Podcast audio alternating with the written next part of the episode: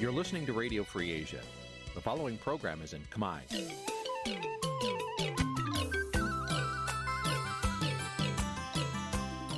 Nǐ chi càm bi tiệp xáy vệt chiu a zì sê ray នេះជាកម្មវិធីផ្សាយរបស់ Vithu Azisari ជាភាសាខ្មែរ វត្តឈូអាស៊ីសេរីសូមស្វាគមន៍លោកអ្នកនាងទាំងអស់ពីរដ្ឋធានី Washington នៃសហរដ្ឋអាមេរិក បាទប្រធានាទីវ៉ាស៊ីនតោនខ្ញុំបាទធីនសាករិយាសូមជម្រាបសួរលោកនាងកញ្ញាទាំងអស់ជាទីមេត្រីយើងខ្ញុំសូមជូនកម្មវិធីផ្សាយសម្រាប់ព្រឹកថ្ងៃអង្គារ14រោចខែកដិកឆ្នាំខាលចត្វាស័កពុរស័ករាជ2566ត្រូវនៅថ្ងៃទី22ខែវិច្ឆិកាគ្រិស្តសករាជ2022បាទជាដំបូងនេះសូមអញ្ជើញលោកនាងកញ្ញាស្ដាប់ព័ត៌មានប្រចាំថ្ងៃដែលមានមេត្តាដូចតទៅ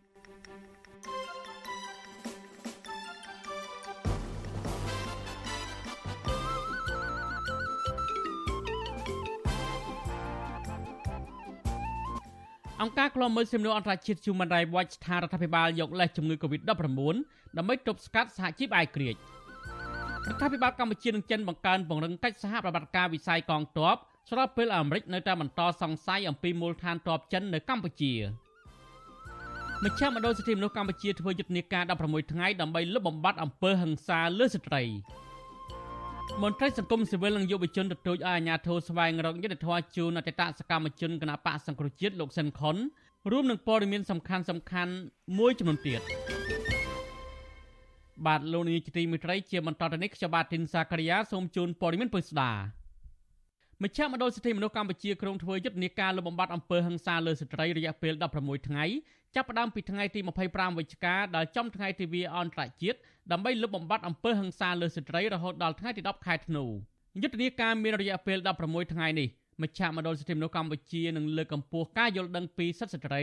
ផលប៉ះពាល់នៃអំពើហិង្សាតាក់ទងនឹង gender ក្នុងសហគមន៍និងអំពាវនាវដល់រដ្ឋាភិបាលឲ្យចាត់វិធានការជាក់លាក់ជាបន្ទាន់ ដើម្បីលុបបំបាត់អំពើហិង្សាតាក់ទងនឹង gender និងលើកកម្ពស់សមភាព gender នៅកម្ពុជា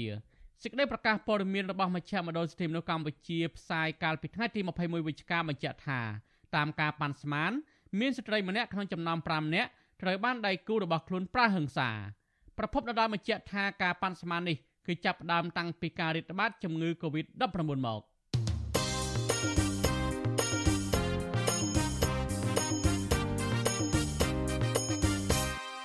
បាទលោកជាទីមេត្រីតកតងនឹងការគៀបសង្កត់សហជីពឯករាជ្យនៅកម្ពុជាវិញ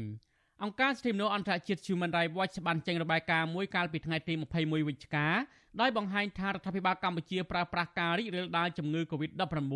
ដើម្បីរំលាយសហជីពឯករាជ្យអង្គការនេះអំពាវនាវដល់សហគមន៍អឺរ៉ុបនិងអាមេរិកដាក់សម្ពាធលើរដ្ឋាភិបាលកម្ពុជាបន្ថែមទៀតអំពីបញ្ហានេះមន្ត្រីអង្គការសង្គមស៊ីវិលយល់ឃើញថារបាយការណ៍របស់អង្គការឃ្លាំមើលសិទ្ធិមនុស្សអន្តរជាតិនេះគឺឆ្លុះបញ្ចាំងពីការពិត និងជំរុញរដ្ឋាភិបាលកម្ពុជាលើកកម្ពស់ការអនុវត្តច្បាប់ស្តីពីការងារឡើងវិញដើម្បីទទួលបានប្រព័ន្ធអនុគ្រោះពន្ធពីបណ្ដាប្រទេសប្រជាធិបតេយ្យរបាយការណ៍អង្គការឃ្លាំមើលសិទ្ធិមនុស្សអន្តរជាតិចេញផ្សាយនៅថ្ងៃទី21វិច្ឆិកាក្រុមប្រធានបទកម្ពុជាមានតែសហជីពមីកញ្ចប់ដែលអាចបន្តវត្តមាន ការបង្ក្រាបសហជីពក្នុងវិស័យរោងចក្រនិងទេសចរនៅកម្ពុជារបាយការណ៍នេះបង្ហាញថារដ្ឋាភិបាលកម្ពុជានឹងតកែដែលគ្មានគុណធម៌ក្នុងវិស័យរោងចក្រនិងទេសចរ បានយកលេសពីការព្រួយបារម្ភនៃការរីករាលដាលជំងឺ Covid-19 ដើម្បីបង្ក្រាបទៅលើសហជីពឯករាជ្យពាក្យថាសហជីពមីកញ្ចប់ដែលរបាយការណ៍នេះបានលើកឡើងគឺសំដៅដល់សហជីពដែលត្រូវបានបង្កើតឡើងភ្លាមភ្លាមដោយភាគីថកែដើម្បីជំនួសសហជីពឯករាជ្យហើយសហជីពទាំងនោះតែងតែធ្វើការសម្រេចទៅតាមការចង់បានរបស់ថកែខុសពីនិយមន័យពិតរបស់សហជីពដែលការពៀផលប្រយោជន៍ដល់យោជិក នាយករដ្ឋមន្ត្រីបន្ទុកកិច្ចការតំបន់អាស៊ីនៃអង្គការឃ្លាំមើលសិទ្ធិមនុស្សអន្តរជាតិ Human Rights Watch បានលើកឡើងថាថៅកែដែលគ្មានគុណធម៌និងរដ្ឋាភិបាលកម្ពុជានិងរដ្ឋាភិបាលកម្ពុជាមិនបានយកចិត្តទុកដាក់ពីសុខុមាលភាពរបស់ក្រុមនយោជកនោះទេនៅក្នុងស្ថានភាពដ៏លំបាកក៏ប៉ុន្តែពួកគេបែរជាសហការគ្នាដែលយកលេសពីការព្រួយបារម្ភពីជំងឺ Covid-19 ដើម្បីបង្ក្រាបសហជីពឯករាជ្យទៅវិញលោក Phil Robertson បានអំពាវនាវដល់សហភាពអឺរ៉ុបសហរដ្ឋអាមេរិក និងដៃគូពាណិជ្ជកម្មផ្សេងផ្សេងដាក់សម្ពាធទៅលើក្រុមហ៊ុនក្នុងប្រទេសកម្ពុជាតាមរយៈអធិបតេយ្យរបស់ខ្លួនក្នុងការបញ្ជាទិញដើម្បីជំរុញរដ្ឋាភិបាលលើកកម្ពស់ការគោរពសិទ្ធិការងារឡើងវិញជាមួយគ្នានេះរបាយការណ៍ក៏បានរំលេចអំពីសហជីពឯករាជ្យ LRSU ដែលត្រូវបានថកែ Nagavel រួមជាមួយអាជ្ញាធរមានសមត្ថកិច្ចគម្រាមកំហែងផងដែរដែលក្នុងនោះតំណាងសហជីពឯករាជ្យនិងសមាជិកសកម្មដែលបានចេញមុខតវ៉ាទាមទារឲ្យតកែដោះស្រាយវិវាទការងារ ត្រូវបានតុលាការចាប់ដាក់ពន្ធនាគារហើយក្រុមកោតក្រដែលធ្វើកោតកម្មដោយអហិង្សាស្របតាមច្បាប់ស្តីពីការងារត្រូវបានក្រុមអាជ្ញាធរប្រើអំពើហិង្សាដើម្បីកុំឲ្យបន្តធ្វើកោតកម្មហើយវិវាទការងារមួយនេះនៅតែបន្តអូសបន្លាយដល់បច្ចុប្បន្នដោយសារតែតកែកាស៊ីណូ Nagavel មិនព្រមទទួលយកសមាជិកសហជីពឯករាជ្យឲ្យចូលធ្វើការវិញជុំវិញនឹងរឿងនេះបុគ្គលិក Nagavel និងជាសមាជិកសហជីពឯករាជ្យលោកស្រីឆានបូរ៉ា យល់ស្របរបាយការណ៍នេះដោយអ្នកស្រីលើកឡើងថារដ្ឋាភិបាលនិងតកែគ្មានគុណធម៌បង្ក្រាបលើសហជីពឯករាជ្យពីព្រោះថាលោកស្រីផ្ទាល់ត្រូវបានតុលាការកោះហៅឲ្យចូលបំភ្លឺតាមបណ្ដឹងរបស់ថកែ Nagavel ដែលគ្រាន់តែលោកស្រីចូលរួមធ្វើកោតកម្មដើម្បីទាមទារឲ្យតកែគោរពច្បាប់ស្តីពីការងារតែប៉ុណ្ណោះលោកស្រីបន្ថែមថាវិវាទការងារនៅតែបន្តដោយសារតែក្រុមអាជ្ញាកណ្ដាលមិនអាយក្រិចក្នុងការដោះស្រាយវិវាទការងារនេះឡើយ ក្រុមអាជ្ញាកណ្ដាលដែលដោះស្រាយវិវាទការងារហ្នឹងគាត់ដោះស្រាយអត់អាយក្រិចទេព្រោះអីវិវាទការងារយូរមកហើយហើយគាត់អត់គិតឲ្យដោះស្រាយឲ្យចាប់ចាប់សោះគាត់បែរជាទៅគ្រប់គ្រងខាងថៅកែវិញហើយបែរជាមកធ្វើបាបបុគ្គលិកខ្មែរកម្មករខ្មែរវិទ្យុអសិរ័យមិនអាចតតងអ្នកនាំពាក្យក្រសួងការងារលោកហេងសួរនិងអ្នកនាំពាក្យរដ្ឋាភិបាលលោកផៃសិផានដើម្បីសំសួរអំពីបញ្ហានេះបានទេនៅថ្ងៃទី21វិច្ឆិកា លទ្ធផលរបាយការណ៍ដោយអង្គការឃ្លាំមើលសិទ្ធិមនុស្សអន្តរជាតិ Human Rights Watch ទើបបញ្ចេញផ្សាយនេះបានធ្វើការស្រាវជ្រាវចាប់តាំងពីខែមីនាដល់ខែមិថុនាឆ្នាំ2022ដែលក្នុងនោះក្រុមស្រាវជ្រាវបានជួបសម្ភាសផ្ទាល់ជាមួយមេដឹកនាំសហជីពឯករាជ្យចំនួន32នាក់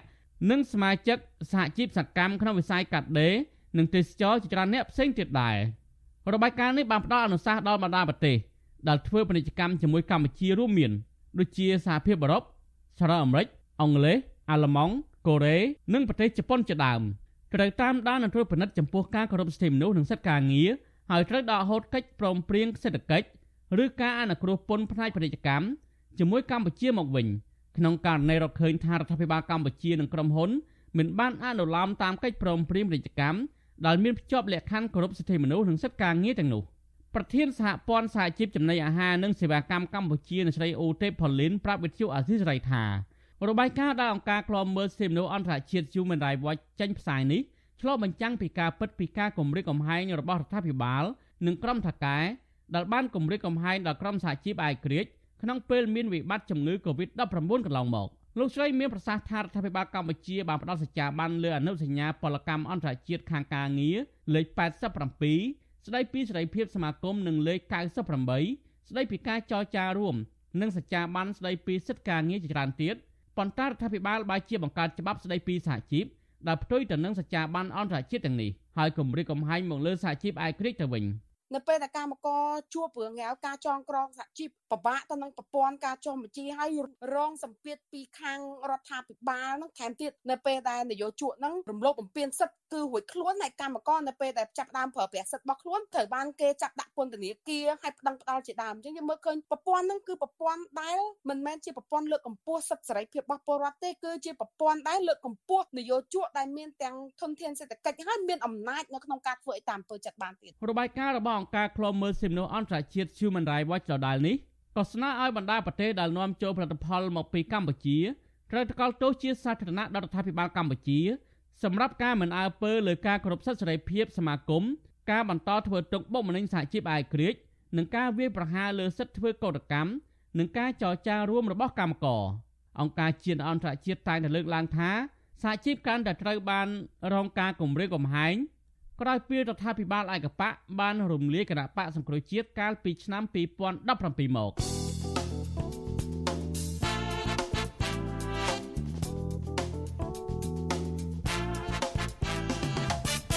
បានលោកទីមេត្រីតកតងនឹងជំនួបរវាងមេដឹកនាំការពារជាតិចិននិងអាមេរិកវិញលោកនាយករដ្ឋមន្ត្រីអះអាងថានឹងមានជំនួបរវាងរដ្ឋមន្ត្រីការពារជាតិសហរដ្ឋអាមេរិកលោក Lloyd Austin និងរដ្ឋមន្ត្រីការពារជាតិចិនលោកវ៉ៃហ្វេងហេនៅលើទឹកដីខេត្តសៀមរាបអំឡុងពេលមេតបនៃប្រទេសមហាអំណាចទាំងពីរ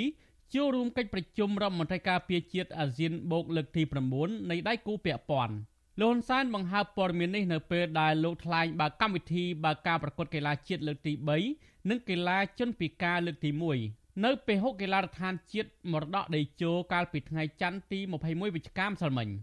នឹងមានជំនួបនៅក្នុងខេត្តសៀមរាបអាចចាត់ទុកថាកម្ពុជា ជាទីកន្លែងនៃការសម្រុះសម្រួលមួយ រវាងមហាអំណាចដែលនឹងនាំទៅដល់ស្ថិរភាពនៅក្នុងតំបន់ និងក្នុងពិភពលោកយើងសង្ឃឹមថារដ្ឋមន្ត្រីក្រសួងការពារជាតិសហរដ្ឋអាមេរិកនិងចិននឹងធ្វើកិច្ចការដ៏ល្អនៅក្នុងទឹកដីនៃខេត្តសៀមរាបកម្ពុជាកំពុងរៀបចំកិច្ចប្រជុំចង្អៀតរដ្ឋមន្ត្រីការពារជាតិអាស៊ានលើកទី9និងកិច្ចប្រជុំរដ្ឋមន្ត្រីការពារជាតិអាស៊ានបូកលើកទី9ជាមួយដៃគូពាក់ព័ន្ធនៅខេត្តសៀមរាបដែលប្រព្រឹត្តទៅនៅថ្ងៃទី21ដល់ថ្ងៃទី23វិច្ឆិកា ក្រុមរដ្ឋមន្ត្រីការពារជាតិប្រទេសដៃគូអាស៊ានចំនួន8នឹងចូលរួមកិច្ចប្រជុំរដ្ឋមន្ត្រីការពារជាតិបូកនេះនៅក្នុងនោះរួមមានទាំងរដ្ឋមន្ត្រីការពារជាតិសហរដ្ឋអាមេរិកអូស្ត្រាលីចិនឥណ្ឌានិងជប៉ុនជាដើមរដ្ឋមន្ត្រីការពារជាតិចិននិងជាសមាជិកក្រុមប្រឹក្សារដ្ឋចិនលោកវ៉ៃហ្វេងហេបានមកដល់កម្ពុជាតាំងពីថ្ងៃទី20វិច្ឆិកានៅមុនកិច្ចប្រជុំថ្នាក់រដ្ឋមន្ត្រីអាស៊ានមកដល់លោកបានជួបជាមួយលោកហ៊ុនសែននិងរដ្ឋមន្ត្រីការពារជាតិកម្ពុជាលោកធាបាញ់ ក្នុងជំនួបជាមួយលោកហ៊ុនសែនវិញរដ្ឋមន្ត្រីការពារជាតិចិនបានសន្យាថាចិននឹងបន្តជួយដល់កម្ពុជាថែមទៀតចំណែកឯរដ្ឋមន្ត្រីការពារជាតិអាមេរិកលោក Lloyd Austin វិញបានមកដល់កម្ពុជាដែរកាលពីយប់ថ្ងៃទី21វិច្ឆិកាលោក Lloyd Austin ធ្លាប់លើកឡើងនៅមុនពេលធ្វើដំណើរមកកម្ពុជាថាបញ្ហាប្រឈមកាន់តែខ្លាំងឡើងគឺប្រទេសចិនកំពុងតែសម្ញែងឥទ្ធិពលរបស់ខ្លួនកាន់តែខ្លាំងឡើងខ្លាំងឡើងក្នុងការព្យាយាមកែប្រែប្រព័ន្ធច្បាប់នៅក្នុងតំបន់និងអន្តរជាតិ ដើម្បីឲ្យស្របទៅនឹងបំណងបែបប្រតិការរបស់ខ្លួនតើតើនឹងដំណើរទស្សនកិច្ចរបស់លោកលោកអេស្ទីនមកតំបន់អាស៊ីអាគ្នេយ៍នឹងចូលរួមកិច្ចប្រជុំក្រុមរដ្ឋមន្ត្រីការពារជាតិអាស៊ាននេះរដ្ឋមន្ត្រីក្រសួងការពារជាតិអាមេរិកធ្លាប់បញ្ជាក់ថាតំបន់ Indo-Pacific គឺជាអធិភាពមួយរបស់ក្រសួងការពារជាតិអាមេរិកនិងបង្ហាញពីការបដិញ្ញាចិត្តរបស់សហរដ្ឋអាមេរិកមកលើតំបន់នេះ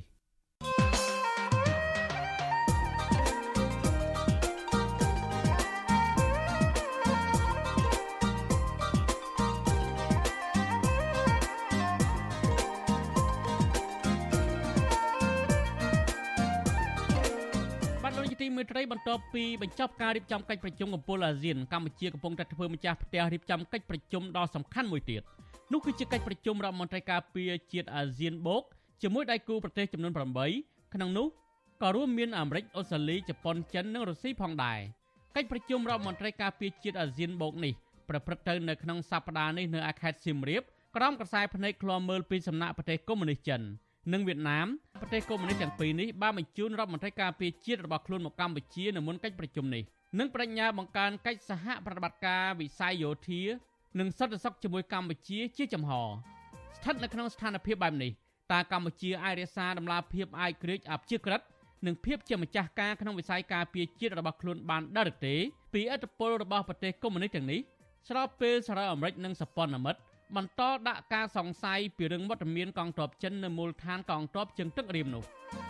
នេះគឺជាប្រធានបទដែលយើងនឹងលើកយកមកពិភាក្សានៅក្នុងនីតិវេទិកាអ្នកស្ដាប់វិទ្យុអាស៊ីសេរី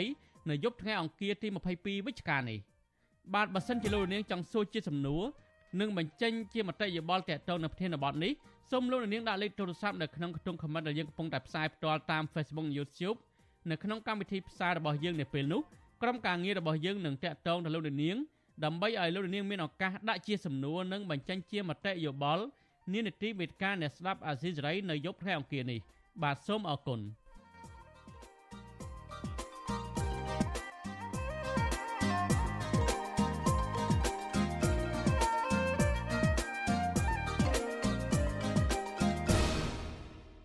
បាទលោកជាទីមេត្រីតកតងនឹងការបង្កើនកិច្ចសហប្រតិបត្តិការរវាងវិស័យកងទ័ពរវាងកម្ពុជានិងចិនវិញ ក្រុមអ្នកខ្លាំមើលលើកឡើងថារដ្ឋមន្ត្រីការពារជាតិចិនលោកវ៉ៃហ្វេងហេមកបំពេញទស្សនកិច្ចនៅកម្ពុជាកំពុងតែពង្រីកឥទ្ធិពលរបស់ខ្លួនមកលើកម្ពុជាកាន់តែខ្លាំងឡើងលោកវ៉ៃហ្វេងហេបានជួបពិភាក្សាការងារជាមួយលោកហ៊ុនសែនកូនប្រុសច្បងរបស់លោកគឺលោកហ៊ុនម៉ាណែតនិងរដ្ឋមន្ត្រីការពារជាតិលោកធាបាញ់ក្នុងក្របខ័ណ្ឌពង្រឹងវិស័យកងទ័ពនៃប្រទេសទាំងពីរស្របពេលអាមេរិកនៅតែបន្តសង្ស័យអំពីការសាងសង់មូលដ្ឋានទ័ពចិននៅកម្ពុជា បាទប្រធានាធិបតីវ៉ាស៊ីនតោនលោកលេងម៉ាលីរាយការណ៍ព័ត៌មាននេះ ក្រុមអ្នកតាមដានស្ថានភាពនយោបាយកម្ពុជាមើលឃើញថាប្រទេសចិនកុម្មុយនីសកំពុងបង្កើនសន្ទុះក្នុងការពង្រឹងអធិបុលរបស់ខ្លួននៅកម្ពុជាតាមរយៈរដ្ឋាភិបាលលោកហ៊ុនសែនជាពិសេសការពង្រឹងកិច្ចសហប្រតិបត្តិការលើវិស័យកងទ័ពកាន់តែស៊ីជម្រៅរវាងប្រទេសទាំងពីរស្របពេលដែលសហរដ្ឋអាមេរិកនិងបណ្ដាប្រទេសក្នុងតំបន់មួយចំនួនបន្តសង្ស័យនិងព្រួយបារម្ភចំពោះប្រទេសចិនកុម្មុយនីសសាងសង់មូលដ្ឋានទ័ពនៅកម្ពុជា ប្រធានសហភាពសហជីពកម្ពុជា លោករងឈុនលើកឡើងថាការដែលរដ្ឋាភិបាលឯកបកបន្តប្រកាសអំពីចំណងមិត្តភាពជាមួយប្រទេសចិន ជាពិសេសការប្រកាសដោយចំហអំពីការពង្រឹងកិច្ចសហប្រតិបត្តិការផ្នែកយោធាដោយមិនព្រមជំរះមន្ទិលសង្ស័យអំពីការធ្វើទំនើបកម្មនៅសមុទ្ររៀមរដ្ឋាភិបាលលោកហ៊ុនសែនទំនងជៀសមិនផុតពីការរងនៅទរណកម្មបន្ថែមពីសហគមន៍អន្តរជាតិឡើយលោករងឈុនពិនិត្យឃើញថា អរិយាប័ត្រនយោបាយការទូតរបស់លោកហ៊ុនសែនដែលកំពុងស្រវាអោបក្រសោបប្រទេសចិនកុម្មុយនីសកាន់តែស៊ីជម្រៅដោយមិនខ្វល់អំពីគោលនយោបាយអព្យាក្រឹតនោះប្រជាជាតិខ្មែរនឹងពុំទទួលបានផលប្រយោជន៍អ្វីឡើយលើសពីនេះលោកថាបើរដ្ឋាភិបាលកម្ពុជានៅតែគ្មានភាពច្បាស់លាស់ក្នុងការបង្ហាញទម្លាភាពអំពីមូលដ្ឋានកងទ័ពជើងទឹករៀមនៅកម្ពុជានោះវានឹងបង្កឲ្យប៉ះពាល់ដល់ឯករាជ្យអធិបតេយ្យនៅកម្ពុជា និងបញ្ហាអសន្តិសុខក្នុងតំបន់។បើសិនមេដឹកនាំកម្ពុជាមិនបង្ហាញឲ្យចំហច្បាស់លាស់ទេនៅតែប្រពេចប្រពិលពេលនោះវាអត់មានផលចំណេញសម្រាប់កម្ពុជាយើងទេហើយចំហនៅការដែលខាញភាពស្អិតប្រមូតជាមួយចិនដូច្នេះ កាន់តែធ្វើឲ្យសហរដ្ឋអាមេរិកក៏ដូចជាបណ្ដាប្រទេសគេកំពុងសម្លឹងមើលថាកម្ពុជាយើងមានលាក់លៀមដល់តំបន់រៀមឲ្យចិនដាក់មូលដ្ឋានតបនៅទីនោះពេលហ្នឹងវាកាន់តែធ្វើឲ្យស្ថានភាពហ្នឹងកាន់តែគេមានមន្ទិលសង្ស័យថែមទៀតបើមិនជាយើងមិនបានបំភ្លឺជាក់លាក់ណាមួយទេ រដ្ឋមន្ត្រីការបរទេសចិន លោកវ៉ៃហ្វេងហឺបានមកបំពេញទស្សនកិច្ចលើកទី2នៅកម្ពុជានិងចូលរួមកិច្ចប្រជុំរដ្ឋមន្ត្រីការពារជាតិអាស៊ានបូកនៅខេត្តសៀមរាបដែលនឹងប្រព្រឹត្តទៅនៅថ្ងៃទី23វិច្ឆិកាជារឿយរឿយស្ទើរតែជាទម្លាប់ទៅហើយនៅមុនកិច្ចប្រជុំក្របខ័ណ្ឌអាស៊ាន និងកិច្ចប្រជុំកម្រិតអន្តរជាតិដែលមានតំណាងភាគីនៃប្រទេសជុំវិញពិភពលោកចូលរួមនោះភាគីប្រទេសចិនកុម្មុយនីសតែ ងតែចេញមុខស្កាត់មកជួបពិភាក្សាជាមួយរដ្ឋាភិបាលលោកហ៊ុនសែនជាបន្តបន្ទាប់មិនខុសគ្នានេះដែរនៅមុនកិច្ចប្រជុំរដ្ឋមន្ត្រីការពារជាតិអាស៊ានបូកនេះរដ្ឋមន្ត្រីការពារជាតិចិន លោកវ៉ៃហ្វេងហឺក៏បានជួបដាច់ដោយឡែកជាមួយរដ្ឋមន្ត្រីការពារជាតិកម្ពុជា លោកទាបាញ់និងលោកនាយករដ្ឋមន្ត្រីហ៊ុនសែនលោកទាបាញ់បានសរសេរនៅលើទំព័រ Facebook របស់លោកថា ទស្សនកិច្ចរបស់រដ្ឋមន្ត្រីការពារជាតិចិនលើកនេះនឹងជំរុញកិច្ចសហប្រតិបត្តិការកងទ័ពរវាងប្រទេសទាំងពីរកាន់តែស៊ីជម្រៅឡើងមួយកម្រិតទៀតរីឯក្នុងជំនួបជាមួយលោកហ៊ុនសែនវិញរដ្ឋមន្ត្រីការពារជាតិចិនបានសន្យាថាចិននឹងបន្តជួយដល់កម្ពុជាថែមទៀតក្រៅពីជំនួបទ្វេភាគីជាមួយលោកហ៊ុនសែននិងលោកទាបាញ់រដ្ឋមន្ត្រីការពារជាតិចិនរូបនេះក៏បានជួបពិភាក្សាជាមួយកូនប្រុសច្បងលោកហ៊ុនសែនគឺលោកហ៊ុនម៉ាណែតដែរលោកហ៊ុនម៉ាណែតថា ចំណងការទូតផ្លូវការនៃប្រទេសចិននិងកម្ពុជាឆ្លុះបញ្ចាំងឲ្យឃើញអំពីចំណងមិត្តភាពដ៏ជិតស្និទ្ធនិងទំនាក់ទំនងកិច្ចសហប្រតិបត្តិការល្អរវាងប្រទេសរដ្ឋាភិបាល កងទ័ពនិងប្រជាជនទាំងពីរប្រធានាធិបតីអាមេរិកលោក Joe Biden ក្នុងឱកាសចូលរួមកិច្ចប្រជុំកំពូលអាស៊ាន នៅកម្ពុជាកន្លងទៅ បានលើកឡើងក្នុងជំនួបទ្វេភាគីដ៏កម្រមួយជាមួយលោកហ៊ុនសែន ដោយលោកបានស្នើឲ្យកម្ពុជារក្សាអធិបតេយ្យនិងបូរណភាពទឹកដីពីឥទ្ធិពលចិនស្ដារលទ្ធិប្រជាធិបតេយ្យនិងដោះលែងអ្នកទោសនយោបាយទាំងអស់ឲ្យមានសេរីភាពឡើងវិញ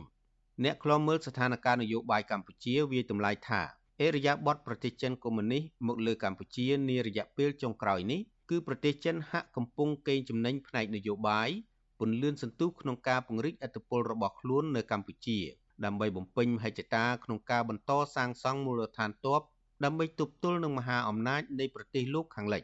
ពួកគេមើលឃើញថា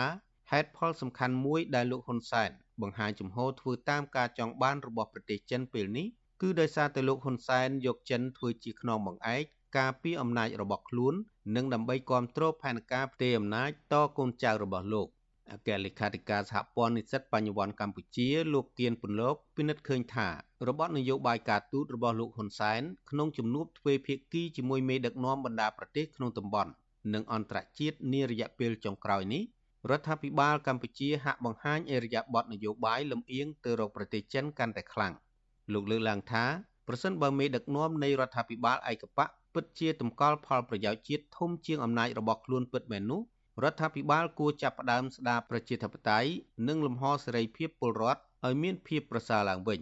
ជាងនេះទៀតរដ្ឋាភិបាលក៏ត្រូវបង្កើនការផ្ដល់ជំនឿនិងបង្ហាញតម្លាភាពដល់សហគមន៍អន្តរជាតិនិងប្រទេសក្នុងតំបន់អំពីភាពចម្រូងចម្រាសនៃការសាងសង់ទំនើបកម្មកំពង់ផែសមុទ្ររៀមដែលអាមេរិកសង្ស័យថាចិនកំពុងលួចសាងសង់មូលដ្ឋានកងទ័ពនៅកម្ពុជា។ កម្ពុជាខ្លួនឯងហ្នឹងត្រូវតែពិចារណាឡើងវិញប្រសិនបើប្រទេសកម្ពុជាពិតជាធ្វើដំណើរទៅលើភូមិសាស្ត្រនយោបាយដែលលំអៀងទៅរកប្រទេសចិនហើយគឺស្ថិតនៅក្រោមការត្រួតត្រារបស់ប្រទេសចិននៅពេលណាមួយវាជាគ្រោះថ្នាក់សម្រាប់ជាតិកម្ពុជាទាំងមូលខ្ញុំក៏មិនចង់ឃើញកម្ពុជាទៅជាន់ដានប្រវត្តិសាស្ត្រដូចសម័យសង្គមរាស្ត្រនិយមដែលប្រទេសកម្ពុជាបានចាប់បាទយកប្រទេសកុម្មុយនីសដែលធ្វើឲ្យប្រទេសកម្ពុជាខ្លួនឯងហ្នឹងធ្លាក់ទៅក្នុងភ្លើងសង្គ្រាមស៊ីវិលម្ដងទៀតបើសិនបើមេដឹកនាំកម្ពុជាជាមេដឹកនាំដែលគិតផលប្រយោជន៍ជាតិជាធំមេដឹកនាំកម្ពុជាគួរតែពិចារណាឡើងវិញទៅលើអភិជាក្រិតភាពដែលខ្លួនបានប្រកាសមិនចូលបកសម្ព័ន្ធរដ្ឋាភិបាលលោកហ៊ុនសែនរងការចោទប្រកាន់ថា បានលួចចុះកិច្ចព្រមព្រៀងសម្ងាត់ជាមួយប្រទេសចិនកុម្មុយនីសដើម្បីអនុញ្ញាតឲ្យកងទ័ពចិនបោះទីតាំងឈរជើងនៅលើទឹកដីខ្មែរកិច្ចព្រមព្រៀងសម្ងាត់នោះអនុញ្ញាតឲ្យកងទ័ពចិនគ្រប់គ្រងកំពង់ផែជើងទឹករៀមផ្ដាច់មុខរហូតដល់ទៅ30ឆ្នាំហើយកិច្ចព្រមព្រៀងនេះ អាចបន្តបានរៀងរាល់10ឆ្នាំម្ដងនេះបើយោងតាមសារព័ត៌មានអាមេរិក The Wall Street Journal ផ្សាយកាលពីខែកក្កដាឆ្នាំ2019កន្លងទៅថ្មីត្បិតតែរដ្ឋាភិបាលកម្ពុជានិងចិន បានចេញមុខបដិសេធរឿងនេះក្តីប៉ុន្តែខាងភៀកគីទាំងពីរមិនដែលបង្ហាញផុសតាងនិងព័ត៌មានដែលអាចគួរឲ្យជឿជាក់បាននោះឡើយលើពីនេះទៀតមូលដ្ឋានទ័ពជើងទឹករៀមដែលត្រូវបានគេសង្ស័យអំពីវត្តមានយោធារបស់ចិនជាច្រើនឆ្នាំមកហើយនោះ បានប្រែប្រួលខ្លាំងក្នុងរយៈពេលប្រមាណខែចុងក្រោយនេះសំណង់ថ្មីថ្មីមួយចំនួនរួមទាំងហេដ្ឋារចនាសម្ព័ន្ធដទៃទៀតបានលេចចេញជារូបរាងឡើងគណៈមន្ត្រីកម្ពុជាវាយកំទេចអាគារដែលជាជំនួយរបស់សហរដ្ឋអាមេរិកដោយគ្មានជូនដំណឹងជាមុនព្រមទាំងមានសកម្មភាពបូមខ្សាច់ស្ដារជំរឿទឹកសមុទ្រនៅមូលដ្ឋានកងទ័ពជើងទឹករៀមជាដើមក្រុមអ្នកឃ្លាំមើលនិយាយថាទោះបីជាមានការបកស្រាយត្រឹមតែការលើកឡើងជាសាធារណៈ អំពីសំណាក់លោកហ៊ុនសែននិងមន្ត្រីរបស់លោកក៏ដោយក៏មិនអាចលាងជម្រះមន្ទិលសង្ស័យពីសហរដ្ឋអាមេរិកបានដែរខ្ញុំបាទលេងម៉ាលីវិទ្យុអស៊ីសេរីពីរដ្ឋធានី Washington បាទលោកនាយកទីមេត្រីតកតងនឹងការទៀមទាឲ្យដោះលែងមន្ត្រីកសិកម្មដែលជួញដូរសត្វស្វានៅឯសហរដ្ឋអាមេរិកនេះវិញសកម្មជនបរិស្ថានរិះគន់រដ្ឋាភិបាលលហ៊ុនសែនថាការស្នើសុំរដ្ឋាភិបាលអាមេរិកដោះលែងមន្ត្រីជាន់ខ្ពស់នៃក្រសួងកសិកម្ម ជុំវិញនឹងករណីជួញដូរសត្វស្វាក្តាមខុសច្បាប់នោះគឺជារឿងគួរឲ្យអាម៉ាស់សម្រាប់កម្ពុជាពួកគេថារដ្ឋាភិបាលកម្ពុជាគួរតែសហការជាមួយអាមេរិកអំពីដំណើរការនីតិវិធីតាមផ្លូវច្បាប់ដើម្បីរកការពិតប្រសើរជាងការប្រកែកមិនទទួលខុសត្រូវបែបនេះអ្នកសិក្សាផ្នែកច្បាប់យល់ថាក្រសួងកសិកម្មគួរតែស្វែងរកភស្តុតាងបញ្ជាក់ថាមន្ត្រីរបស់ខ្លួនគ្មានកំហុសនិងសហការជាមួយតុលាការអាមេរិកទៅតាមផ្លូវច្បាប់វិញល្អប្រសើរជាង បាទប្រធានាធិបតីវ៉ាស៊ីនតោនលោកមានរិទ្ធរាជការព័ត៌មាននេះ សកម្មជនបរិស្ថានលើកឡើងថាវាគឺជារឿងដ៏គួរឲ្យអាម៉ាស់សម្រាប់កម្ពុជា បន្ទាប់ពីរដ្ឋាភិបាល តាមរយៈក្រសួងការបរទេសកាលពីថ្ងៃទី18ខែវិច្ឆិកាបានចេញលិខិតរក្សាគោលជំហរជំទាស់ទៅនឹងការចាប់ខ្លួនមន្ត្រីជាន់ខ្ពស់ក្រសួងកសិកម្មជុំវិញករណីរត់ពន្ធសត្វស្វាក្តាមខណៈពេលដែលភៀកគីអាមេរិកមានទាំងភ័ស្តុតាង និងលទ្ធផលនៃការស្រាវជ្រាវច្បាស់លាស់ស្ថាបនិកចលនាមេដាធម្មជាតិ លោក Alejandro Gonzalez Davidson ប្រាប់ Visual C សេរីនៅថ្ងៃទី21ខែវិច្ឆិកាថានេះគឺជារឿងដ៏គួរឲ្យអាម៉ាស់និងជារឿងដដែលដដែលនៃរដ្ឋាភិបាលលោកហ៊ុនសែនសម្រាប់មន្ត្រីនៅក្នុងក្រសួងនានាដែលតែងតែខុបខិតគ្នារកស៊ីខុសច្បាប់លោកបន្តថាការស្នើសុំឲ្យដោះលែងមន្ត្រីរូបនេះនៅក្រៅឃុំ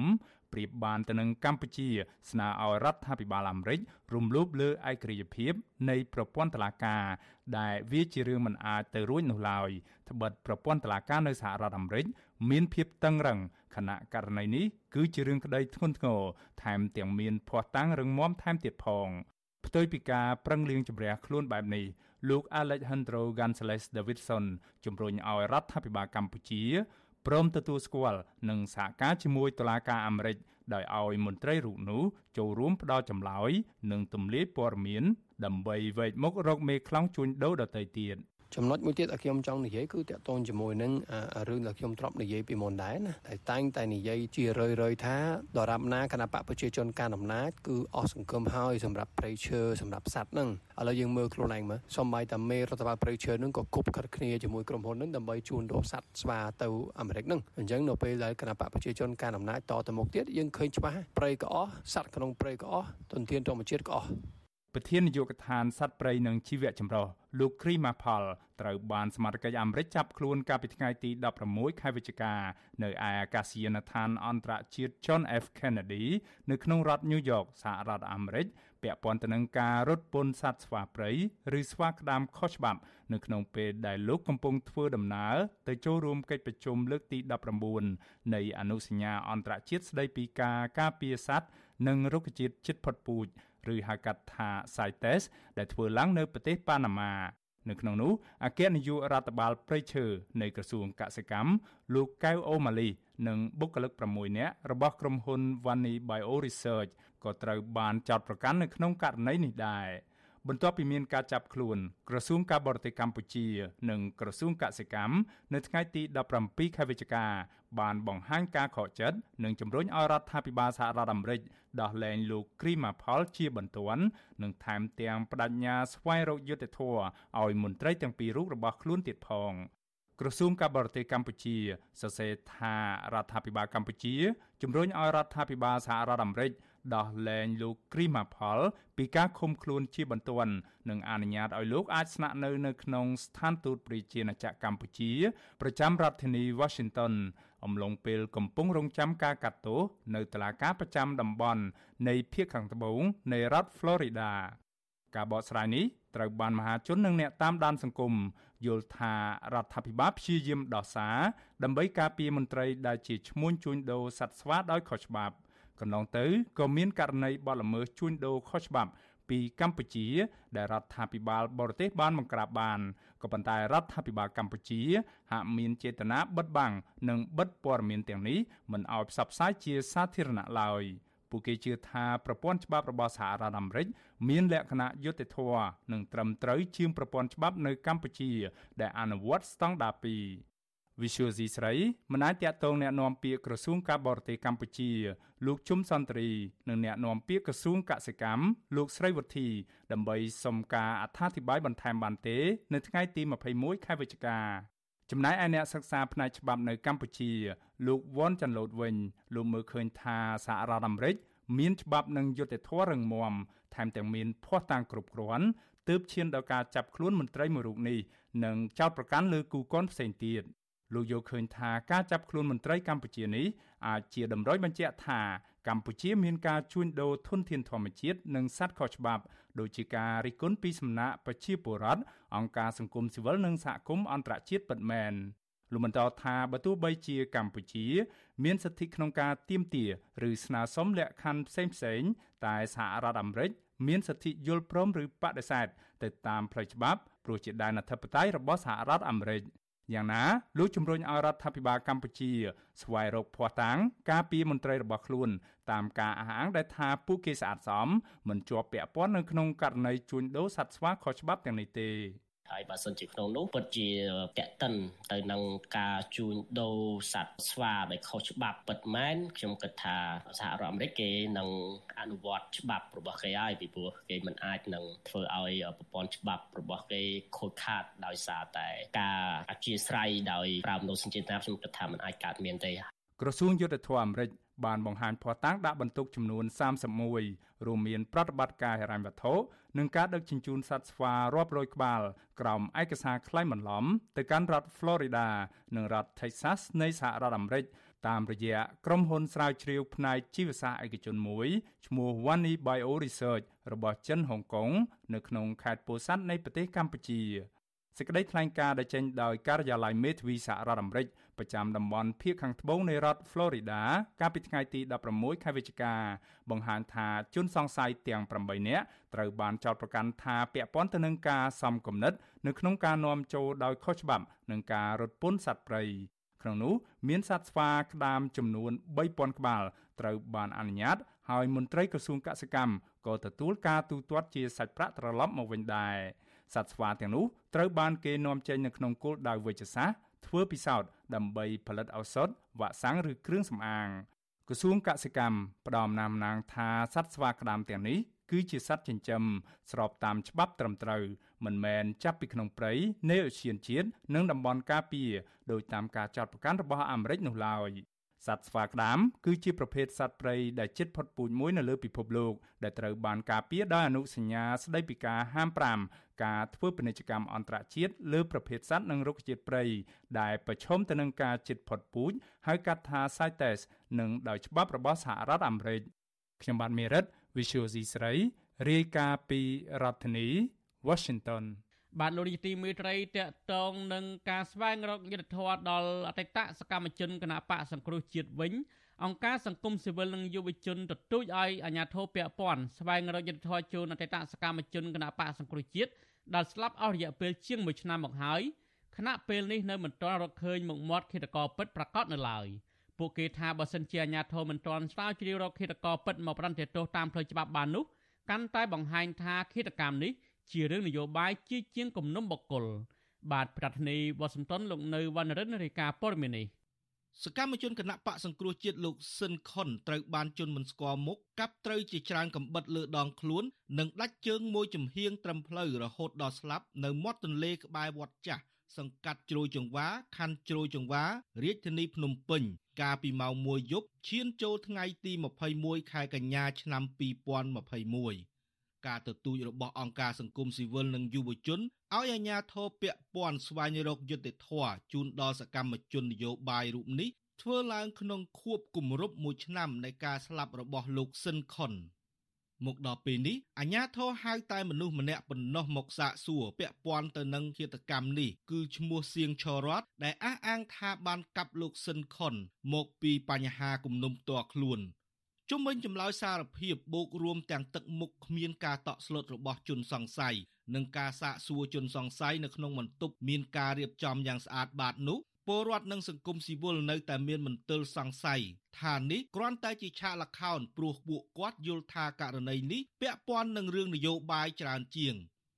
ប្រធានសមាគមការពារសិទ្ធិមនុស្សនិងការអភិវឌ្ឍនៅកម្ពុជាហៅកាត់ថាអាត6លោកនីសុខា បានប្រាប់វិទ្យុអាស៊ីសេរីកាលពីថ្ងៃទី21ខែវិច្ឆិកានេះថាករណីនេះគឺជារឿងមួយដែលមានការសង្ស័យច្រើនដូច្នេះលោកថាតុលាការគួរតែមានភ័ស្តុតាងឲ្យបានគ្រប់ជ្រុងជ្រោយដើម្បីឈានទៅរកការបើកសវនាការលោកបន្តថាបើសិនជាតុលាការនៅតែបង្ហាញភ័ស្តុតាងមិនគ្រប់ជ្រុងជ្រោយបែបនេះនឹងអាចធ្វើឲ្យសាធារណជនរិះគន់កាន់តែខ្លាំង មានការជឿជាក់ពីមហាជន គឺមានតែតុលាការទេដែលត្រូវតែធ្វើការសវនាការដោយមានការបង្ហាញភ័ស្តុតាងឲ្យបានគ្រប់គ្រាន់សពជ្រុងជ្រោយដើម្បីឲ្យគេមានការជឿជាក់ហើយបើមិនអញ្ចឹងទេ គឺថាមន្ទិលសង្ស័យគឺនៅតែមានរហូតបាន មិនខុសពីរឿងផ្សេងផ្សេងមួយចំនួនទៀតតកតទៅនឹងការសម្លាប់ទៅលើសកម្មជនសង្គមទៅលើអ្នកការពារបរិស្ថានការពារអីកន្លងកន្លងមកនឹងទេបើសិនជាតឡាការមិនមានជាភ័ស្តុតាងអីក្នុងការបញ្ជាក់នៅក្នុងសវនាការនឹងឲ្យបាន ត្រឹមត្រូវនិងឲ្យមានការជឿជាក់ពីមហាជននោះបាទស្រដៀងគ្នានេះដែរសកម្មជនសិទ្ធិមនុស្សនៃសមាគមនិស្សិតបញ្ញវន្តខ្មែរកញ្ញាសូមេតា មើលឃើញថាឃាតកម្មមកលើអតីតសកម្មជនគណៈបកសង្គ្រោះជាតិរូបនេះមិនមែនជារឿងថ្មីនោះទេខណៈពេលដែលកន្លងទៅមានសកម្មជនជាច្រើនដែលត្រូវបានធ្វើឃាតនៅតែមិនទាន់ទទួលបានយុត្តិធម៌សម្រាប់ពួកគេនៅឡើយកញ្ញាទទូចឲ្យអាជ្ញាធរបង្ហាញការស៊ើបអង្កេតឲ្យមានភាពយុត្តិធម៌ជូនដល់សាច់ញាតិរបស់ជនរងគ្រោះឲ្យបានឆាប់ឆាប់បញ្ឈប់រាល់អំពើនិទាននិទានភាព កុំបន្តទៀតហើយមានបញ្ហាអីយើងទៅចែកយើងដោះស្រាយទៅបញ្ឈប់រាល់ការគំរាមកំហែងធ្វើទុកបុកម្នេញប៉ុនប៉ងសម្លាប់ទៀតព្រោះយើងជាខ្មែរដូចគ្នាយើងមានបញ្ហាអីយើងត្រូវទៅជែកតទល់នឹងគ្នាដោះស្រាយនឹងគ្នាយើងមិនអាចទៅប្រើអំពើហិង្សាដាក់លើប្រជាពលរដ្ឋដែលហ៊ានសម្ដែងមតិដែលហ៊ានចេញមុខការពារសិទ្ធិពលរដ្ឋការពារប្រយោជន៍ពលរដ្ឋទេ វាជារឿងអាក្រក់មួយ បើសិនជាយើងមិនលុបបំបាត់វាចោលវានៅតែបន្តបន្តទៀតវិទ្យុអាស៊ីសេរីមិនអាចតាក់ទងអ្នកនាំពាក្យកងរាជអាវុធហត្ថលើផ្ទៃប្រទេស លោកអេងហ៊ីអ្នកនាំពាក្យស្នងការនគរបាលរាជធានីភ្នំពេញ លោកសានសុកសេហានិងអ្នកនាំពាក្យក្រសួងយុតិធធលោកចិនម៉ាលីនដើម្បីសាកសួរជុំវិញរឿងនេះបានឡើយកាលពីថ្ងៃទី21ខែវិច្ឆិកា លោកសិនខុនមានអាយុ31ឆ្នាំ គឺជាយុវជនគណៈបកសង្គ្រោះជាតិខណ្ឌជ្រោយចង្វារាជធានីភ្នំពេញកាលនៅមានជីវិតលោកតែងតែបញ្ចេញមតិរិះគន់រដ្ឋាភិបាល និងភាពអយុត្តិធម៌សង្គមលើបណ្ដាញសង្គម Facebook ជាហូរហែរហូតត្រូវបានគេគំរាមកំហែងនិងវាយឲ្យរបួសធ្ងន់ធ្ងរម្ដងរួចមកហើយ ទោះជារងការវាយដំយ៉ាងណាក៏ដោយលោកនៅតែរក្សាជំហរនយោបាយគ្រប់គ្រងគណៈបកសង្គ្រោះជាតិបញ្ចេញមតិរិះគន់បញ្ហានានា និងចូលរួមទាមទារឲ្យមានយុត្តិធម៌នៅក្នុងសង្គមរហូតដល់ថ្ងៃឃាតករកាប់សម្លាប់លោកដល់ស្លាប់នៅក្នុងថ្លុកឈាម។ អ្នករាយការណ៍ពិសេសរបស់អង្គការសហប្រជាជាតិទទួលបន្ទុកផ្នែកសិទ្ធិមនុស្សប្រចាំកម្ពុជា លោកវីតិតមុនថាបនកាលពីថ្ងៃទី10ខែកុម្ភៈបានស្នើដល់រដ្ឋាភិបាលកម្ពុជាបំភ្លឺនិងផ្តល់ព័ត៌មានបន្ថែមជុំវិញករណីឃាតកម្មដ៏ព្រៃផ្សៃនេះលោកបន្តថាហេតុផលរបស់ជនសង្ស័យម្នាក់ដែលត្រូវបានចោទប្រកាន់ហាក់មិនមានភាពស្របគ្នាទៅនឹងជនរងគ្រោះ ដូច្នេះតុលាការគួរតែបើកការស៊ើបអង្កេតឲ្យមានតម្លាភាពនិងឯករាជ្យពិតប្រាកដបច្ចុប្បន្ននេះគេសង្កេតឃើញថាសកម្មភាពប្រៅអំពើហិង្សាបានកើតឡើងសារជាថ្មីកាន់តែខ្លាំងហើយថ្មីថ្មីនេះអនុប្រធានក្រុមការងារគណៈបកភ្លើងទៀនមកពីខណ្ឌពោធិ៍សែនជ័យលោកលុនពងធីរិតត្រូវបានក្រុមជនល្មើសជិះម៉ូតូវាយក្បាលឲ្យរបួសនៅក្បែរទីស្នាក់ការគណៈបកភ្លើងទៀនពេលលោកជិះម៉ូតូទៅចូលរួមប្រជុំគណៈបក គិតមកដល់ពេលនេះយ៉ាងហោចណាស់មានសកម្មជន សង្គមស៊ីវិលនិងគណៈបកនយោបាយប្រមាណ40នាក់ហើយដែលត្រូវបានជន់មិនស្គាល់មុខបង្កហិង្សាបណ្ដាលឲ្យរបួសធ្ងន់ធ្ងរហើយជនរងគ្រោះខ្លះបានស្លាប់និងធ្លាក់ខ្លួនពីការអស់មួយជីវិតខ្ញុំបាទនៅវណ្ណរិន With Chu Azizi Saray ពីរដ្ឋធានី Washington បាទលោកនេះជាទីមេត្រីវិទ្យុអសិរ័យផ្សាយតាមរលកធាតុអាកាសខ្លីឬ Shortwave តាមកម្រិតនិងកម្ពស់ដូចតទៅនេះពេលព្រឹក ចាប់ពីម៉ោង5កន្លះដល់ម៉ោង6កន្លះតាមរយៈរលកធាតុអាកាសខ្លី9390 kHz ស្មើនឹងកម្ពស់ 32m និង11850 kHz ស្មើនឹងកម្ពស់ 25m ពេលយប់ចាប់ពីម៉ោង7កន្លះដល់ម៉ោង8កន្លះតាមរយៈរលកធាតុអាកាសខ្លី9390 kHz ស្មើនឹងកម្ពស់ 32m និង11885 kHz ស្មើនឹងកម្ពស់ 20m បាទសូមអរគុណ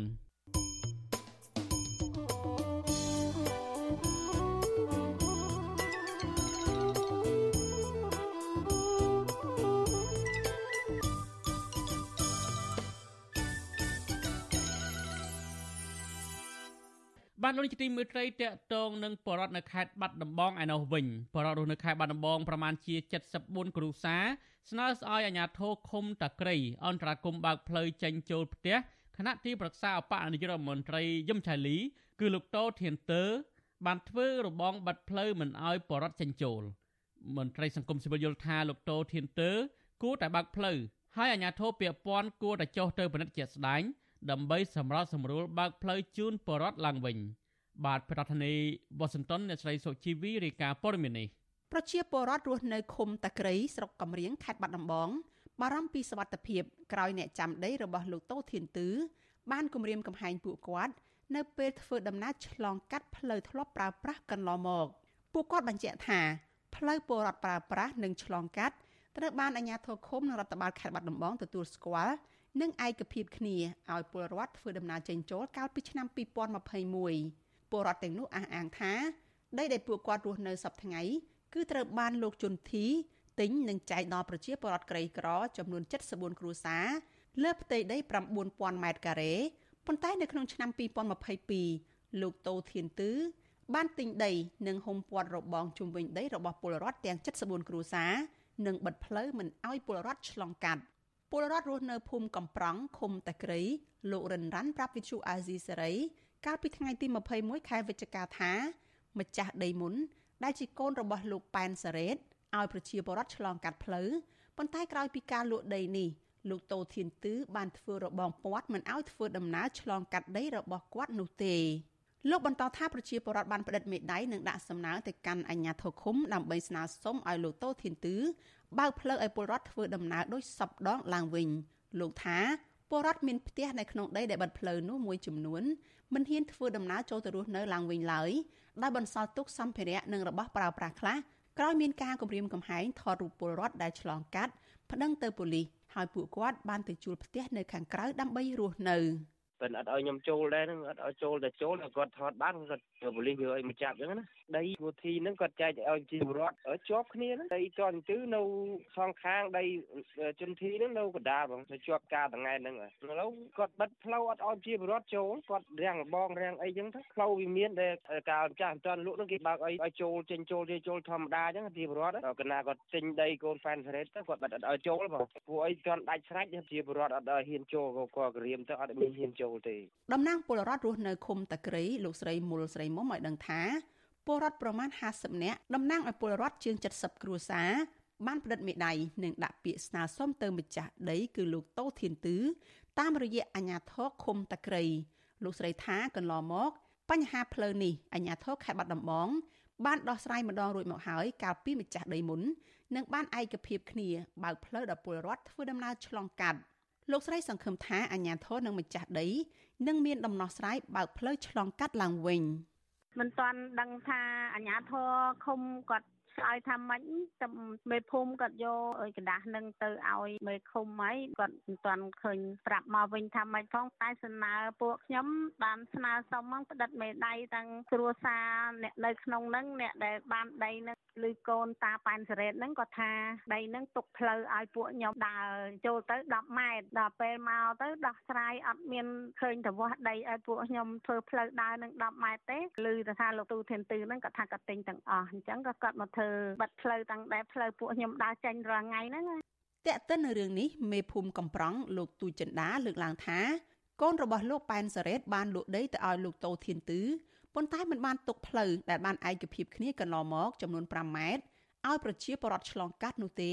ទើបបង្កជាបញ្ហាកើតឡើងលោកបន្តថាពលរដ្ឋបានប្រមូលស្នាមមេដៃដើម្បីដាក់លិខិតទៅកាន់ម្ចាស់ដីថ្មីដើម្បីស្នើសុំសម្បទានដីផ្លូវឲ្យពួកគាត់ឆ្លងកាត់ហើយលោកក៏បានប្រគល់ឯកសារស្នាមមេដៃទាំងនេះជូនដល់មេឃុំតាក្រេរួចហើយ មេឃុំកំពុងប្រជុំជាមួយរដ្ឋបាលស្រុកកំរៀងដើម្បីរកដំណោះស្រាយប៉ុន្តែលោកនៅមិនទាន់ទទួលបានដំណឹងអ្វីថ្មីនៅឡើយទេលោកទូចចិន្តាបញ្ជាក់ថាពាក់ព័ន្ធនឹងការគម្រាមកំហែងពលរដ្ឋមិនឲ្យឆ្លងកាត់លោកក៏មិនទាន់ទទួលបានព័ត៌មានដែរ បើសិនជាដីនឹងដីរបស់គាត់គេលក់ឲ្យគាត់ហើយគាត់អញ្ចឹងគាត់បាត់នោះហើយតែអញ្ចឹងយើងជួបការលំបាកជាមួយប្រជាជនគាត់មានផ្លូវចេញដល់ឥឡូវយើងមានអីយើងមានតែធ្វើសំណើសុំគាត់វិញសុំទូធានទៅវិញបាទយើងធ្វើសំណើសុំគាត់វិញចាំមើលពេលសំណើរបស់គាត់គាត់មានមតិយោបល់យ៉ាងម៉េចអាហ្នឹងសិទ្ធិសេរីភាពរបស់គាត់យើងមិនដឹងថាមិនដែរក៏ប៉ុន្តែទោះបីយ៉ាងណាដែរបាទអាជ្ញាធរក៏នៅតែព្យាយាមសុំគាត់ដែរ ពលរដ្ឋនិងអាជ្ញាធរឃុំសង្ឃឹមថាការស្នើសុំរបស់ពួកគាត់នឹងទទួលបានផ្លូវធ្វើដំណើរចេញចូលផ្ទះរៀងខ្លួនឡើងវិញដើម្បីឲ្យកូនចៅមានកន្លែងស្នាក់នៅសមរម្យងាយស្រួលទៅរៀននិងប្រកបរបររកប្រាក់ចំណូលដោះស្រាយជីវភាពវិទ្យុអាស៊ីសេរីនៅមិនទាន់អាចតាក់ទងទីប្រឹក្សារបស់លោកឧបនាយករដ្ឋមន្ត្រីយឹមឆៃលីគឺលោកតូធានទឺដើម្បីសុំការអធិប្បាយជុំវិញរឿងនេះបានទេ នៅថ្ងៃទី21ខែវិច្ឆិកា ជុំវិញរឿងនេះអ្នកសម្របសម្រួលផ្នែកឃ្លាំមើលការរំលោភសិទ្ធិមនុស្សនៃអង្គការ Liga do ប្រចាំខេត្តបាត់ដំបងលោកអិនគង្ជិតមានប្រសាសន៍ថាលោកតូធានទឺក្នុងនាមជាទីប្រឹក្សាមន្ត្រីជាន់ខ្ពស់រដ្ឋាភិបាល ដែលកាន់ព្រះពុទ្ធសាសនា គួរតែមានចិត្តសប្បុរសដើម្បីសម្រួលដល់ប្រជាពលរដ្ឋធ្វើដំណើរនិងប្រកបរបរប្រចាំថ្ងៃលោកថាអាជ្ញាធរខេត្តនិងមន្ត្រីសុរិយោដីខេត្តគួរចុះទៅពិនិត្យជាក់ស្ដែងដើម្បីងាយស្រួលដោះស្រាយ និងសម្របសម្រួលឲ្យមានការបើកផ្លូវដល់ពលរដ្ឋ អាងតែគាត់ដីរបស់គាត់បានទិញពីអ្នកដតីហើយគាត់មានសិទ្ធិចាត់ចែងមែនប៉ុន្តែគាត់ត្រូវមើលទៅលើផលវិបាកដែលប៉ះពាល់ទៅលើប្រជាពលរដ្ឋស្មើនឹងកាត់ផ្ដាច់ពួកគាត់បិទច្រកពួកគាត់មិនឲ្យធ្វើដំណើរចេញចូលប្រកបមុខរបរចិញ្ចឹមជីវភាពប្រចាំថ្ងៃលោកទូធានទឺត្រូវតែបញ្ឈប់ការគម្រាមកំហែងបណ្ដេញប្រជាពលរដ្ឋដែលរស់នៅក្នុងដីដែលភៀកគីម្ខាងទៀតផ្ដាល់សម្បត្តិឲ្យនឹងគូតែបញ្ឈប់ការគម្រាមកំហែងនិងបញ្ឈប់ការបណ្ដេញពួកគាត់ចេញព្រោះពួកគាត់ទៅរស់នៅលើដីរបស់ពួកគាត់ដែលបានមកដោយសុចរិតបាទលោកតូធានទឺជាអតីតអភិបាលរងខេត្តបន្ទាយមានជ័យនិងជាទីប្រឹក្សារបស់លោកឧបនាយករដ្ឋមន្ត្រីយឹមឆៃលីដែលជាដន្លោះរបស់លោកហ៊ុនសែនលោកតូធានទឺជាឈ្មោះរកស៊ីដីដល់ល្បីឈ្មោះម្នាក់ធ្លាប់មានចំនួនដីធ្លីដែលមានទំហំប្រមាណ3000ហិកតាជាមួយប្រជាពលរដ្ឋនៅឃុំបន្ទាយឆ្មាស្រុកថ្មពួកខេត្តបន្ទាយមានជ័យហើយលោកក៏ត្រូវសមត្ថកិច្ចឃាត់ខ្លួនតាមដីការបស់ចៅក្រមសាលាដំបងខេត្ត ពាក់ព័ន្ធនឹងករណីឆបោកកាលពីឆ្នាំ2004តែក្រោយមកក៏ត្រូវបានដោះលែងវិញ នៅឆ្នាំ2016លោកតូធានទឺត្រូវបានប៉ូលីសនៃស្នងការដ្ឋាននគរបាលខេត្តបន្ទាយមានជ័យចាប់ខ្លួនពីបទឆបោកជាថ្មីហើយសាលាដំបងខេត្តនេះផ្ដន្ទាទោសលោកឲ្យជាប់ពន្ធនាគារ1ឆ្នាំ កាលពីថ្ងៃទី24ខែកុម្ភៈឆ្នាំ2016កន្លងទៅពលរដ្ឋនិងមន្ត្រីសង្គមស៊ីវិលសង្ឃឹមថាលោកតូធានទឺនឹងអនុគ្រោះដល់ពលរដ្ឋ ដោយបើកផ្លូវឲ្យពលរដ្ឋធ្វើដំណើរឡើងវិញនាងខ្ញុំសុជីវី With you Azizi Serai ពីរដ្ឋធានី Washington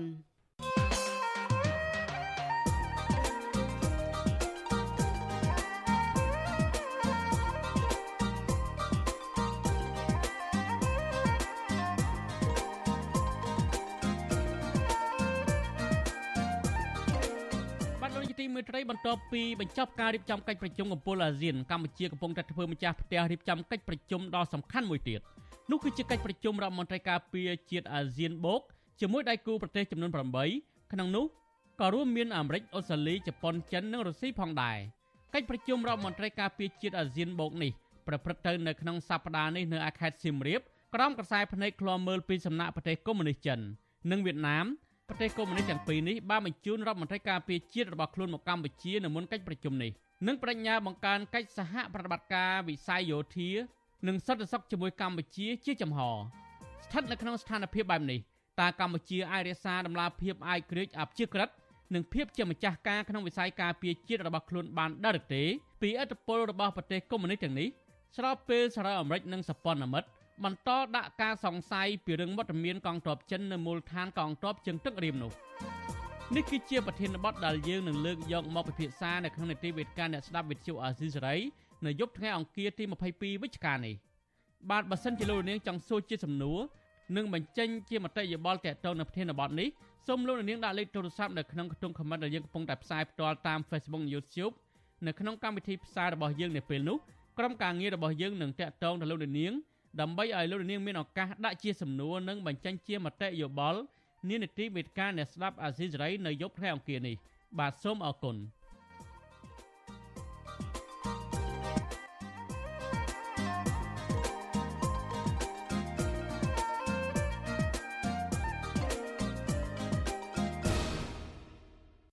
បានលោកនាយកទីមេត្រីនៅឯខេត្តកំពង់ស្ពឺឯណោះវិញ ប្រជាសហគមន៍ការពារសត្វព្រៃខេត្តកំពង់ស្ពឺអះអាងថាឆ្មាំអភិរក្សរបស់ក្រសួងបរិស្ថានមិនអើពើអភិរក្សសត្វព្រៃដែលកំពុងតែជួបគ្រោះថ្នាក់ដល់ជីវិតដោយសារតែការដាក់អន្ទាក់ពង្រាយពីពេញតំបន់អូសៀនជាតិជួរភ្នំក្រវាញនោះឡើយពួកគេអំពាវនាវអរដ្ឋាភិបាលពិនិត្យមើលពីប្រសិទ្ធភាពការងាររបស់ឆ្មាំអភិរក្សនៃក្រសួងបរិស្ថានឡើងវិញដែលមិនបានបំពេញតួនាទីនិងភារកិច្ចរបស់ខ្លួនស្របទៅតាមច្បាប់នោះបាទប្រធានាធិបតីវ៉ាស៊ីនតោនលោកសនច័ន្ទរដ្ឋារាយការណ៍ព័ត៌មាននេះ ប្រជាសាគមអភិរក្សសត្វព្រៃនៅភូមិសូរិយាឃុំតាសាស្រុកអរ៉ាល់មើលឃើញថាឆ្មាំអភិរក្សរបស់ក្រសួងបរិស្ថានច្រើនអ្នកដែលឈរជើងការពារសត្វព្រៃនិងព្រៃឈើនៅតំបន់ជួរភ្នំក្រវាញកណ្ដាលអសមត្ថភាពក្នុងការប្រែសត្វព្រៃកម្រដែលកំពុងជួបគ្រោះថ្នាក់ធ្ងន់ធ្ងរដោយសារអន្ទាក់ពួកគាត់សង្កេតឃើញថាបច្ចុប្បន្នជ្រូកព្រៃខ្ទីងប្រើសឆ្លូក្ងោកនិងខ្លាឃ្មុំជាដើមបន្តងាប់ហើយបាត់ខ្លួនជារៀងរាល់ថ្ងៃហើយកម្រឃើញមន្ត្រីរដ្ឋាភិបាលអនុវត្តច្បាប់លើក្រុមជលមើនោះទេប្រជាសហគមន៍ម្នាក់នៅភូមិសូរិយាលោកវីរ៉ាន់ប្រាវិទ្យាអេស៊ីសរ៉ៃថ្ងៃទី21វិច្ឆិកាថាក្រុមជលមើដាក់ពង្រាយអន្ទាក់នៅទីតាំងសំខាន់សំខាន់ដែលសាប្រៃឆ្លងកាត់និងរោចំណីលោកថានបនដែលសម្បូរសាប្រៃរនៅរួមមានភ្នំហប់ភ្នំធំភ្នំថ្មប្រយភ្នំដូប៉ាយនិងរបងខ្លងផ្សារជាដើម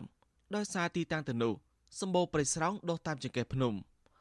លោកបន្តថាប្រជាសកម្មបានដាក់វេនគ្នាចលបាជារៀងរាល់ខែ ដោយដល់អន្ទាក់ម្ដុំម្ដងមករាប់រយអន្ទាក់ដោយមានអន្ទាក់ខ្លះចប់សាច់ខ្លាឃ្មុំនិងជ្រូកព្រុលក៏មានដែនជំរកហ្នឹងបើសិនណាជាគាត់ប្រឹងខ្ញុំគិតថាអាចនឹងអន្ទាក់ហ្នឹងអន្ទាក់អាចថាវាថយចុះហើយណាមួយគាត់ប្រឹងសហគមន៍ឲ្យដើរដោះដើរអីចឹងទៀតទៅគាត់អាចនឹងថយចុះហើយបើសិនណាជានៅបដ ாய் គាត់អត់ចាត់វិធានការតាំងតែអញ្ចឹងខ្ញុំវាយថាយ៉ាងយូរ2ឆ្នាំទៀតសត្វព្រៃគឺត្រូវលាបរោះដែលបន្ថែមថាប្រជាសហគមន៍ មានគ្នាជាង10នាក់មិនអាចដល់អន្ទាក់បានគ្រប់កន្លែងបានទេដោយសារតំបន់ការពារធម្មជាតិធំធេងដែលទាមទារឲ្យមានការចូលរួមពីភាគីពាក់ព័ន្ធរាជឆ្មាំអភិរក្សរបស់ក្រសួងបរិស្ថានគម្រឃើញចលនាព្រៃដល់អន្ទាក់និងចាប់ខ្លួនជនល្មើសមកផ្ដន់ទោសតែផ្ទុយទៅវិញតែងតែគម្រាមកំហែងលើបរដ្ឋណាដែលចេញមកការពារសព្រៃនិងព្រៃឈើលោកអះអាងថាមន្ត្រីទៅនោះតែងទទួលសំណូមពីក្រមជនល្មើសដែលប្រព្រឹត្តបទល្មើសធនធានធម្មជាតិក្នុងដែនសមត្ថកិច្ចរបស់ខ្លួន ពិសេសគឺទទួលទានសាច់សព្រៃខុសច្បាប់ បំពីបំរាមរបស់ក្រសួងបរិស្ថាន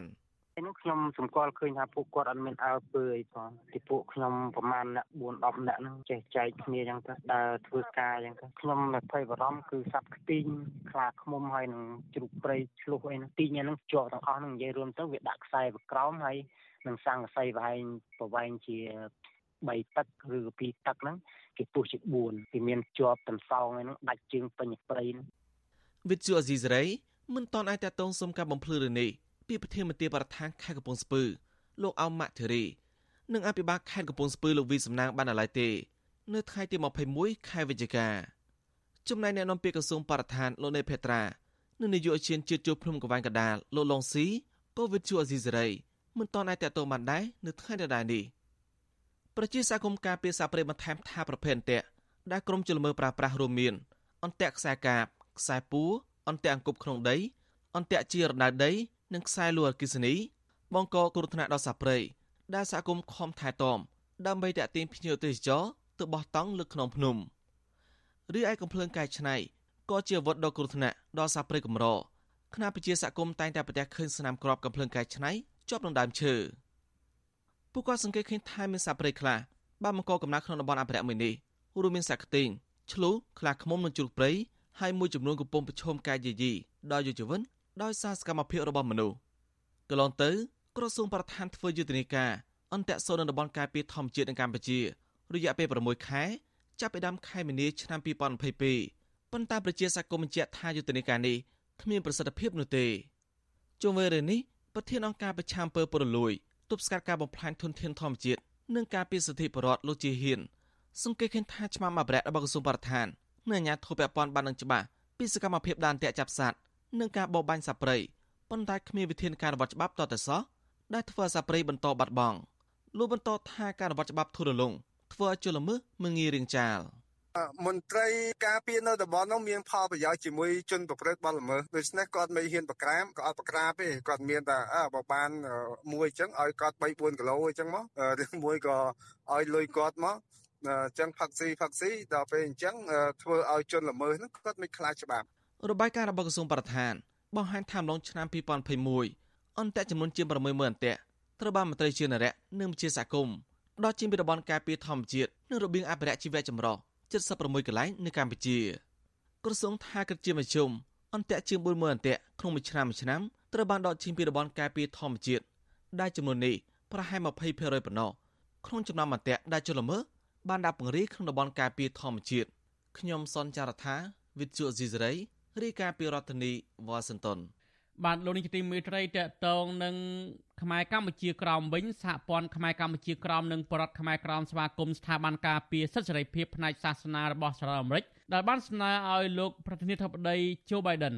អន្តរាគមន៍ទៅរដ្ឋាភិបាលកុម្មុយនីសវៀតណាមឲ្យបញ្ឈប់ការធ្វើទុកបុកម្នេញសេរីភាពសាសនារបស់ជនជាតិដើមខ្មែរក្រោម សំណើនេះធ្វើឡើងដោយសារតែអាញាធរវៀតណាមកំពុងតែស្វែងរកគ្រប់វិធីដើម្បីវាយកំទេចសាលាឆោទៀនរបស់បរតខ្មែរក្រមដែលបានកសាងឡើងដើម្បីប្រតិបត្តិព្រះពុទ្ធសាសនា និងបង្រៀនអក្សរសាស្ត្រខ្មែរបាទប្រធានីវ៉ាស៊ីនតោនលោកយុនសាមៀនរាយការណ៍ព័ត៌មាននេះគណៈកម្មការទទួលបន្ទុកផ្នែកសេរីភាពសាសនាអន្តរជាតិសហរដ្ឋអាមេរិក ជំរុញឲ្យរដ្ឋាភិបាលអាមេរិកធ្វើការនឹងរដ្ឋាភិបាលកុម្មុយនីសវៀតណាមដើម្បីបញ្ឈប់ការប៉ុនប៉ងវាយកំទេចសាលាឆទានរបស់ពលរដ្ឋខ្មែរក្រោមមួយកន្លែង នៅឃុំកំពុងស្រុកប្រាសាទថ្មីខេត្តលង្ហោកាលពីដើមឆ្នាំ2021ពលរដ្ឋខ្មែរក្រោមប្រមាណ700គ្រួសារនៅឃុំកំពុងស្រុកប្រាសាទថ្មីបានដាក់ពាក្យស្នើសុំអាជ្ញាធរដើម្បីសាងសង់សាលាឆទាន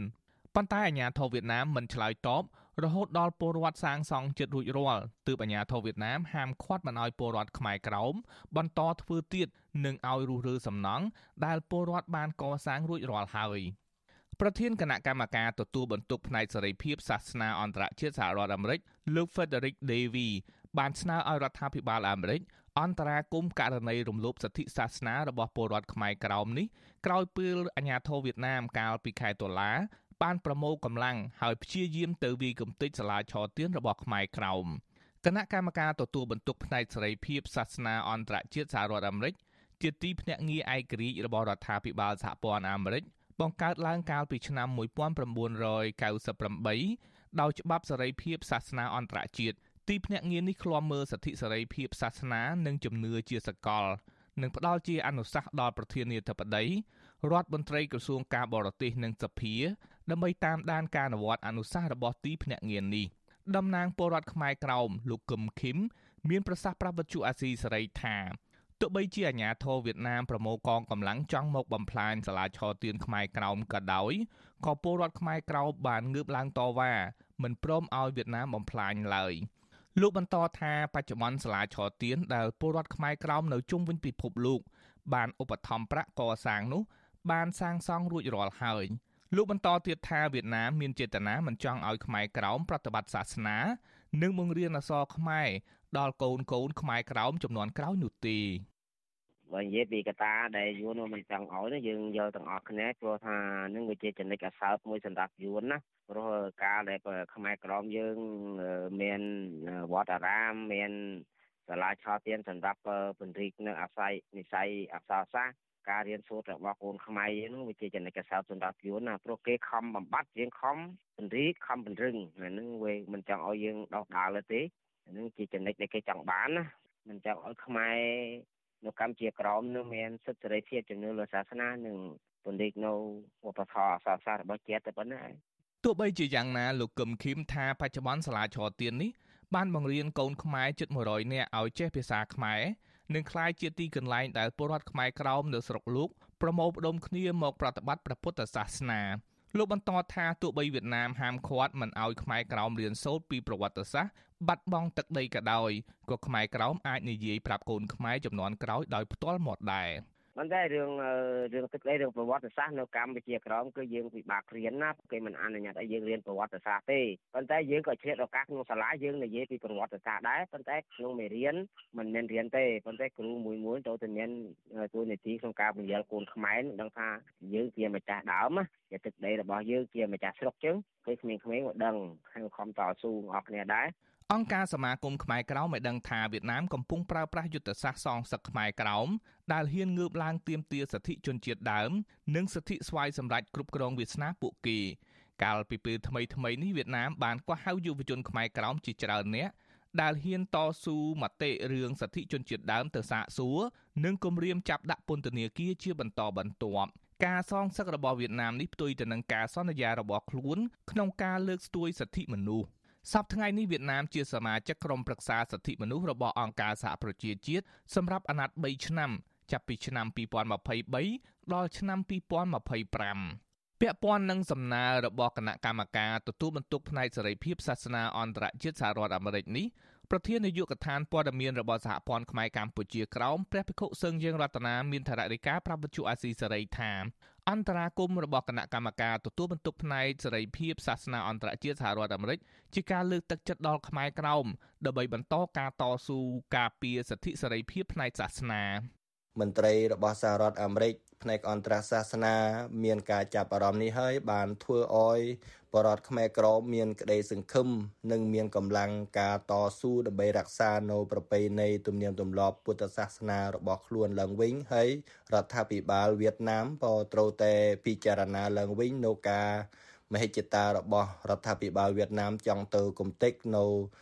សាលាឆទានរបស់បរតខ្មែរក្រមនោះប៉ុ រដ្ឋាភិបាលវៀតណាមមិនទាន់ឆ្លើយតបនឹងសំណើរបស់គណៈកម្មការទទួលបន្ទុកផ្នែកសេរីភាពសាសនាអន្តរជាតិសហរដ្ឋអាមេរិកនៅឡើយទេមកទល់នឹងថ្ងៃទី21វិច្ឆិការបាយការណ៍សេរីភាពសាសនារបស់ក្រសួងការបរទេសអាមេរិកសម្រាប់ឆ្នាំ2021ចេញផ្សាយកាលពីខែមិថុនាសរសេរថារដ្ឋធម្មនុញ្ញវៀតណាមបានអនុញ្ញាតឲ្យពលរដ្ឋមានសិទ្ធិជ្រើសរើសជំនឿនិងសាសនាប៉ុន្តែច្បាប់វៀតណាមក៏បានអនុញ្ញាតឲ្យអាជ្ញាធរ ដាក់កំហិតលើការប្រតិបត្តិសេរីភាពសាសនា ដោយសំអាងលើបញ្ហាសន្តិសុខជាតិនិងរបៀបរៀបរយសង្គមរបាយការណ៍ឲ្យដឹងទៀតថាមេដឹកនាំសាសនាដែលវៀតណាមមិនទទួលស្គាល់តែងតែរងការធ្វើទុកបុកម្នេញរួមទាំងការចាប់ដាក់ពន្ធនាគារនិងទទួលរងអំពើហិង្សាជាដើមស្ថានភាពសេរីភាពសាសនាវៀតណាមសម្រាប់ឆ្នាំ2020និង2019មានលក្ខណៈស្រដៀងគ្នាដែរគឺរដ្ឋាភិបាលវៀតណាម នៅតែសកម្មក្នុងការធ្វើទុកបុកម្នេញសេរីភាពផ្នែកសាសនាលើក្រុមសហគមន៍ជនជាតិដើម រួមទាំងម៉ុងតាញាជាដើមខ្ញុំយុនសាមៀនវិទ្យុអាស៊ីសេរីប្រធានាធិបតី Washington បាទលោកនាងជាទីមេត្រីការផ្សាយរយៈពេល1ម៉ោងនៃវិទ្យុអាស៊ីសេរីជាភាសាខ្មែរនៅពេលនេះចប់តែប៉ុណ្ណេះយើងខ្ញុំសូមជូនពរដល់លោកនាងព្រមទាំងក្រុមគ្រួសារទាំងអស់ឲ្យជួបប្រកបតែនឹងសេចក្តីសុខចម្រើនរុងរឿងកំបីគ្លៀងគ្លេតឡើយខ្ញុំបាទទីនសាករិយាព្រមទាំងក្រុមការងារទាំងអស់នៃវិទ្យុអាស៊ីសេរី សូមអរគុណនិងសូមជម្រាបលា